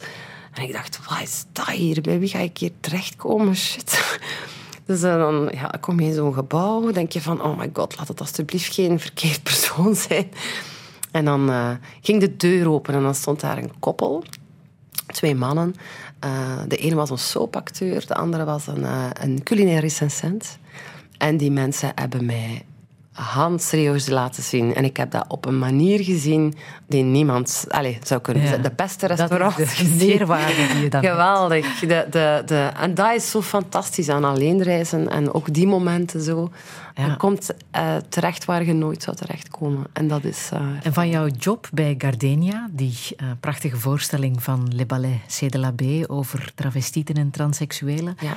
Ehm, dat werken achter de schermen is voor jou ook deugddoend geweest. Hè? Daar heb je ook dingen gezien, dingen gevoeld die, eh, Zeker... ehm, die toch iets teweeggebracht hebben bij jou. Ja, ja dat, dat, dat is zeker waar. Ehm, Toen ik, dat was een voorstelling eh, ja, over eh, oudere travesties, die daar heel breekbaar en heel broos op dat podium stonden. Dat was een, en ik, ik eh, moest notes geven, dus ehm, de regisseur was niet mee. En ik moest dus elke avond moest ik naar de voorstelling kijken en dan achteraf de, de acteurs de notes geven van kijk, dat en dat.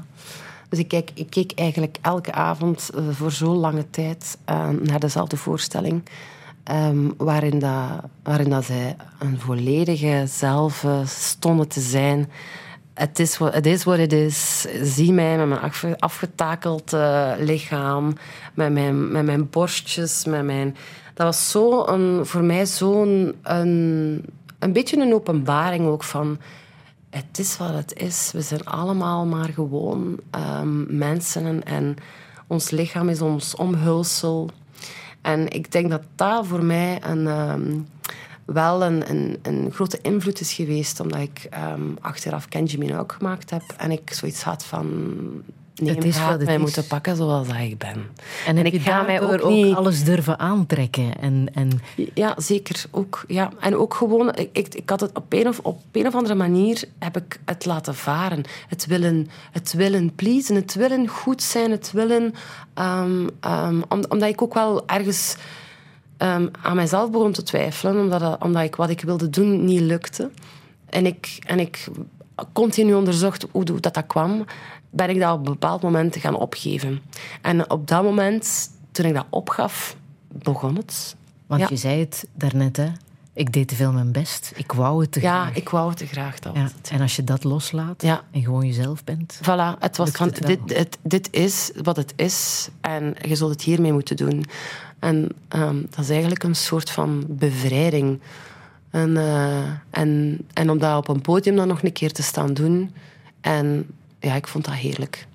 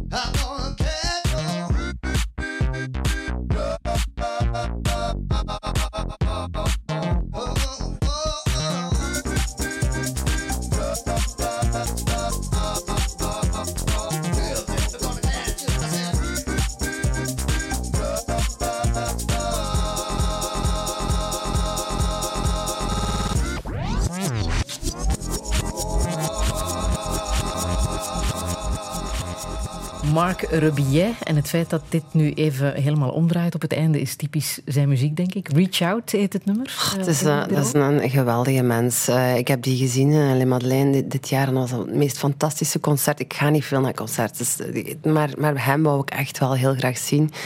Ehm, hij is een gigantische inspiratiebron. Ehm, maar eigenlijk, ehm, ja, de- dat is iemand die eigenlijk eh, altijd improviseert. Ehm, ehm, Marc Rebier zit meestal op FaceTime, dus live. Ehm, en dan zit hij in een, eh, in een eh, hotelkamer met zijn synthesizer en al zijn effectjes. En dan begint het. En dan is dat pure improvisatie. En zijn Facebook Live staat aan en iedereen gooit gewoon suggesties. En hij neemt daaruit wat hij eruit neemt. En het is altijd een feest. Ehm, ja, en, het doet me denken aan de manier waarop dat wij de nummers van Kenji Minogue maakten. Dat was ook altijd ehm, improvisatie. Dat begon vanuit een goede beat en eh, een, een begin. En dan ging het los. En wij wisten helemaal niet waar we gingen eindigen. Maar dat is niet gemakkelijk. En als je dat dan ziet, dat, dat zijn volledige act daarop gebouwd is. Nu zal dat ondertussen ook wel al... Hij zal wel ondertussen wel systeempjes ontdekt hebben om, eh, om, dat, om dat tot een goed einde te brengen, zo'n eh, zo'n live show. Maar dat is ja, heerlijk om te zien. In En- badjas doet hij dat ook. in badjas, ja. Toen ik in eh, Le Madeleine was in Brussel, was dat ook... Iedereen was daar in badjas, of toch veel mensen waren daar in badjas. Fantastisch. Ja. En die show was zo goed. Hij had iedereen zo hard mee. En ook naar beneden en naar boven. En, en oh, wauw. Ja, dat is een feest, dat wilde, daar wilde zijn. En dat was een hele kleine zaal. Er zijn niet zoveel mensen die hem echt al kennen. Alhoewel dat ik vind dat hem toch meer en meer naam begint te krijgen nu. Maar die man is geniaal, geweldig. Het, is, hij moet in, het, het, heeft heel veel lef nodig om, ehm, om dat gewoon te doen en te zien waar, waar kom ik uit. Het is ook de manier waarop jouw man muziek maakt. Ehm, mijn man is zo de, degene die zo heel graag tot laat in de uurtjes als hij aan de computer zit. Is natuurlijk een drummer, dus de ritme zit er wel in. En de beats. Ehm, dus hij eh, construeert zijn nummers. Ehm, en meestal heeft hij al zo'n eh, constructie gemaakt. Op het moment dat wij dan eh, met, ons, eh, met ons twee, ik en Sarah, dan als los geweld daar dan eh, op improviseerden. Ehm, maar meestal was het van, ah, dat, dat, dat, dat klinkt goed, dat klinkt goed, laat ons eens iets horen. Dat klinkt tof, laten we daar iets op improviseren. En dan vertrokken we eh, en was dat ook improvisatie. Dus ik heb dit gekozen omdat dat eigenlijk ook wel echt ehm, ja, mij daaraan doet denken, aan de manier waarop dat wij nummers maakten met Kenji. Ehm, Wat voor iemand is David? Uh, David is een, een hele mooie mens. Een hele lieve een man met heel veel geduld. Uh, nou, dat is wel goed voor mij. Let op wat je zegt, is aan het luisteren. Ja, heeft mij ook gecorrigeerd, het is Emily. Hè? Ja, inderdaad. Frans. staat wel op eh, de juiste tijd. Ja, heeft dingen. gelijk. Heeft gelijk. maar gisteren ook 18 jaar getrouwd, heb ik dat goed? Amai, ja. Ja. Ja, Gevierd ook? Tuurlijk, we zijn eh, op restaurant gegaan. We zijn met onze dochtertjes gaan eten. Eh 18 jaar getrouwd, ja, dat is, dat is al lang, hè. Ja. Ja. Was dat belangrijk voor jou, het huwelijk? Nee, maar ehm, ik ben ehm, iets, dat is heel raar. En ik heb dat heel vaak. Er gebeuren dingen in mijn leven of er komen. De, intuïtief. ehm, toen ik mijn man kuste, bijvoorbeeld, voor de eerste keer, wist ik, ik ga daar oud mee worden. Ja? Ja, Hoe wist je dat? dat is iets, ja, dat, dat, ik zei shit. Ik ga mee trouwen. Ja. en ik was nog zo jong. Ik, ik, was, eh, ik was 22, 23 jaar. We zijn, get- we zijn getrouwd. Ik ben getrouwd als ik ach- 25 was. Dus ehm, ja, de, heel raar. Ik, had dat, ik heb dat met heel veel dingen gehad in, in mijn leven. Ehm, mijn huis, ons huis bijvoorbeeld, waar we wonen. Dat, wij passeren daar en dan ik dacht, dat wordt ons huis. En dat werd ons huis. En waarom het, Heel werd raar. het je huis? Ik was niet op zoek naar een huis. Ik passeerde daar gewoon. Ja. Maar je voelde wel, die plek, Ja. zo'n plek heb ik nodig. Ja, dat is heel raar. Ik was niet op zoek. Ik, dat kwam niet in mij op om, om een huis te kopen. Eh, ik, had al Op een, buiten dan. ik had al een huis gekocht als ik 21 was. Op die manier ook wel een beetje. Ja. Ik, ehm, Dus er ehm, was geld dan. Als je op je 21ste al een huis kan kopen. ik heb nooit al het geld dat ik ooit gehad heb, heb ik zelf verdiend. Ja. Dus ehm, mijn, Op je eh, 21ste. Op mijn 21ste was ik, eh, had ik de job eh, bij de Gouden Gids. En toen had Dat me iemand... verdiende goed. ja, als je goed verkoopt, dan, eh, dan kun je wel veel geld verdienen. En ik was van goede verkoopst. Ehm, ehm, ja, en iemand gaf mij ook dat advies van, doe dat maar, dat is, dat is goed. Op dat nu. jonge leeftijd. Ja, je verdient nu geld, doe dat maar. En dan heb ik dat gedaan. En ehm, ja, dat heeft er ook voor gezorgd dat ik mijn leven kon leiden hoe dat ik het wou leiden. Omdat ik ehm, ja, een huis gekocht heb in een zeer eh, gunstige tijd. Ehm, dus in het centrum van Gent. Dus dat was voor mij... eh, ja, ik, zou, ik heb het verkocht toen, we- toen we het huis kochten die we nu hebben. Maar eh, ik zou dat nooit kunnen kopen hebben anders. Maar toen had je een goed eh, verdienende job. Dat is niet altijd zo geweest. Hè? Nee, ik heb eigenlijk altijd echt tegen de armoegrens aange... Echt, ja? Ja, ja. En heel lang. Ooit gedacht, nu komt er niks meer binnen? Ehm, nee, omdat je natuurlijk wel beschermd bent als artiest. Maar, ehm, maar altijd ehm, ja, gezaaid naar de zak eigenlijk. Ik heb... eh, Gezaaid naar de zak. Ja, Lang geleden dat ik dat nog eens gehoord heb. ja, ja. Dat het, eh, Waarmee je wil zeggen... dat ik eh, geleefd, maar ik heb niet het gevoel dat ik moest, eh, moest, ehm, dat ik moest inbinden of zo. Eh, Mijn verlangens waren ook niet zo heel groot. Ik wilde ehm, Gewerkt om te leven. ja, gewerkt om te leven, ja, En wat dat was ik niet nodig veel. had. Ja, dat was niet veel. Wij zijn nu pas, eh, ik en mijn man twee verdieners en mijn man is 50 en ik ben 40. Dus dat is nu pas dat dat in ons leven is. Nu. Ah, Nu dat we zelf kinderen maar als je zegt ook- tegen de armoedegrens, hoe, hoe erg is het dan geweest, als ik het erg mag noemen? Ja, als ik hoorde wat dat sommige mensen ehm, eh, verdienden. ehm, en, en dan dacht ik van, oei, maar ik verdien wel veel minder hoor.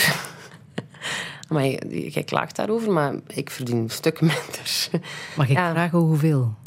Maar als je een, ehm, als je een artiestenstatuut hebt, moet je het doen met ja, duizend. dat- Destijds was dat duizend euro. Ja, of 800 zelfs. Dat nog niet. Twee kinderen. Maar toen had ik nog geen kinderen, hè? Nee, toen had ik nog geen kinderen. Mijn kinderen hebben die periode niet meegemaakt, eigenlijk. Ehm, omdat je dan niet meer voor jezelf leeft, natuurlijk. En, en dan, toen, Kenji, dat was Kenji Minogue daar ook al. Maar daartussen ehm, heb ik heel vaak hele lange periodes heel weinig verdiend. Ja, zeker weten. Maar nooit... Ik had mijn huis al ja, dan moest ik al... eh, mijn afbetaling was echt heel klein. En ik kon... Ik heb nooit... Ik, ben ook, ik heb ook gereisd, dus ik heb nooit... Nooit moeten inbinden. Nooit. Toen je stopte met Kenji Minogue en het nog niet zeker was dat je opnieuw zou gaan acteren, heb je er ook even over nagedacht om een soepronde te beginnen. Was dat om te overleven? Ja, ik wist wel van... Ik zal waarschijnlijk eh, zelfstan- zelfstandig eh, eindigen. Of wat, wat kan ik nog doen? Ehm, Van waar kwam het idee van die soepronde dan? Ik weet het niet. Ik weet ook niet. Ik heb dat een keer gezegd. Ja, ik heb dat weer een keer gezegd. Ehm, ehm, het, ik heb nooit heel erg met het idee geleefd van een soep. We gaan daar eerlijk in zijn. Het is zoiets dat ik een keer Het was een heb. snelle uitspraak. Het was een snelle uitspraak. eh, maar het is wel een gedachte geweest. Zeker en weten. Ik zal iets moeten doen. Ik zal iets moeten doen, ja. Ja. dat, ja. En het zou een soepronde kunnen zijn. En het zou perfect een soepronde kunnen zijn. Ik zou er ook perfect gelukkig mee zijn met een soepronde. Mhm. Lijkt me leuk. Ja? Ja, om vaste klanten te hebben. En te zeggen van koken. vandaag is het wortelkesoep. En lekker koken, want dat doe je. Ja, graag. ik ben wel een kok, ja. Ja? Ja, ik vind het ook leuk. Ik heb, eh, ehm, om, eh, om nieuwe dingen uit te proberen. Ehm, ik heb dat mee- meegekregen van mijn papa, denk ik. Die is ook wel gek op koken. ehm. en ja, lekker eten. En dat is toch wel mijn... eh, ja, daar word ik gelukkig van. Een kok met een eigen moestuin? Eh, een kok met een eigen moestuin, alhoewel dat, dat dit jaar eh, niet, echt, eh, niet echt het geval is. Mijn, ik heb, ik heb geen, niks gepland, omdat ik wist dat ik het heel druk had deze zomer. Maar niets buiten, niets is zo goed als een verse tomaat uit uw eigen tuin.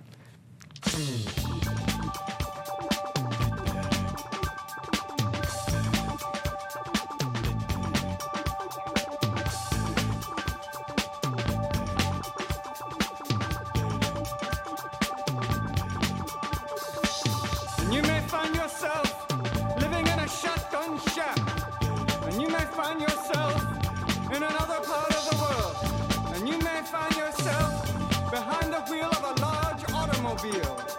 And you may find yourself in a beautiful house with a beautiful wife. And you may ask There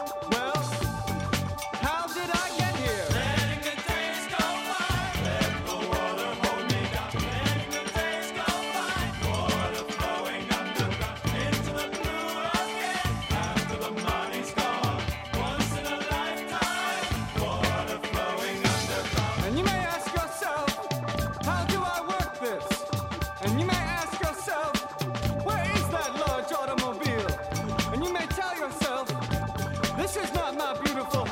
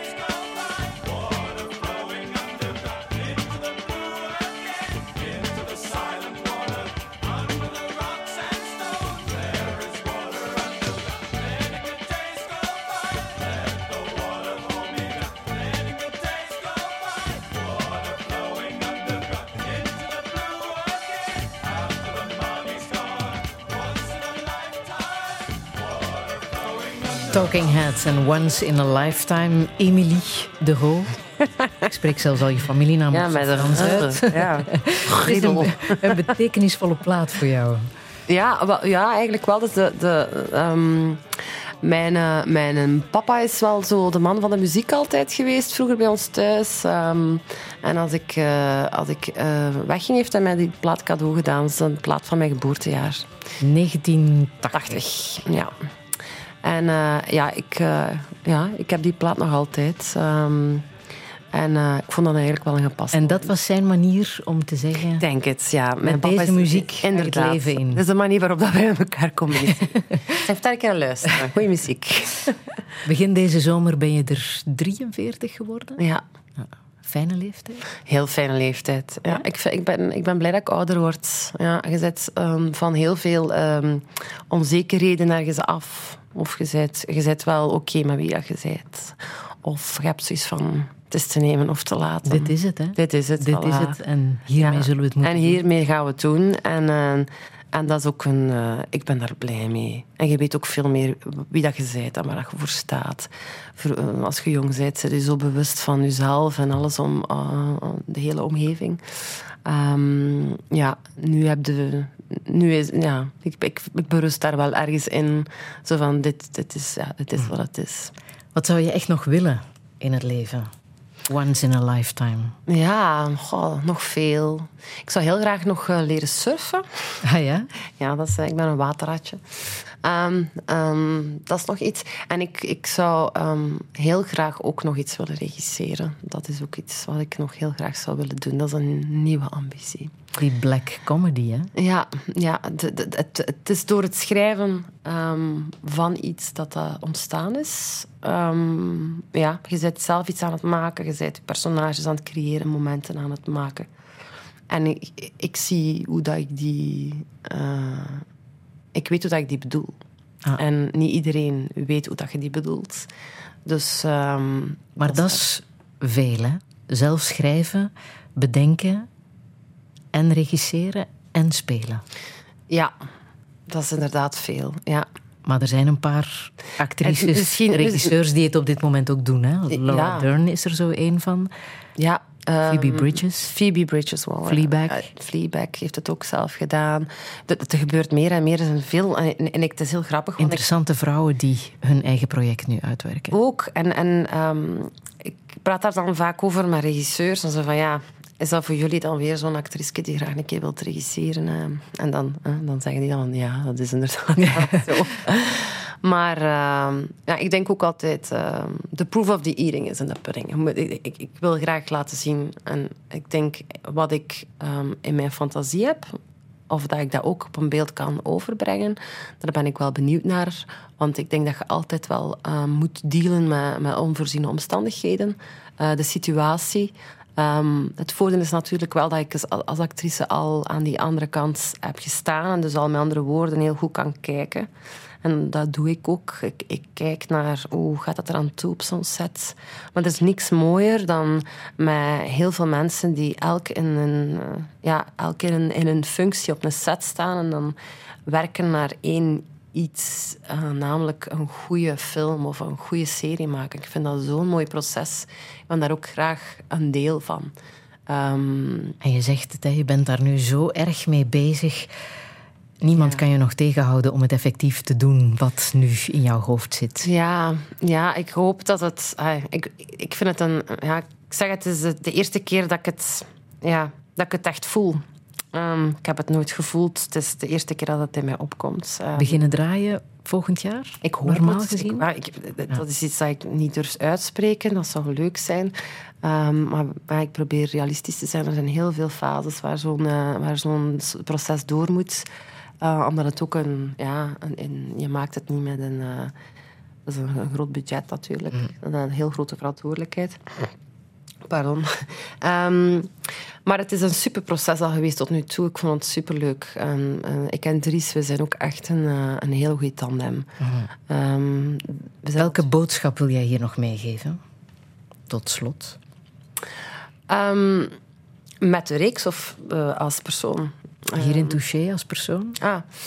Ehm, ja, gewoon. ehm, je bent genoeg, denk ik. Ehm, en ehm, ehm, je bent gewoon genoeg zoals dat je bent. Mensen moeten je nemen zoals dat je bent. Je moet niemand proberen. Ik denk niet dat je moet proberen om iemand anders te zijn dan dat je bent. Ehm, je mocht heel eh, blij zijn, want iedereen is uniek. Ehm, en daar moet je gewoon eh, fier over zijn en trots. Voilà. Zullen we eindigen met nog een geweldig nummer van Salt? Ja. Ook weer een mysterieus band, hè? ja, inderdaad. Dat is Nog nooit, nooit live opgetreden. opgetreden, nooit interviews gegeven. Maar ze zijn wel eh, ontstaan eh, eh, in de Black Matters periode. Dus ehm, daar is ook al een, een boodschap achter. Wildfires.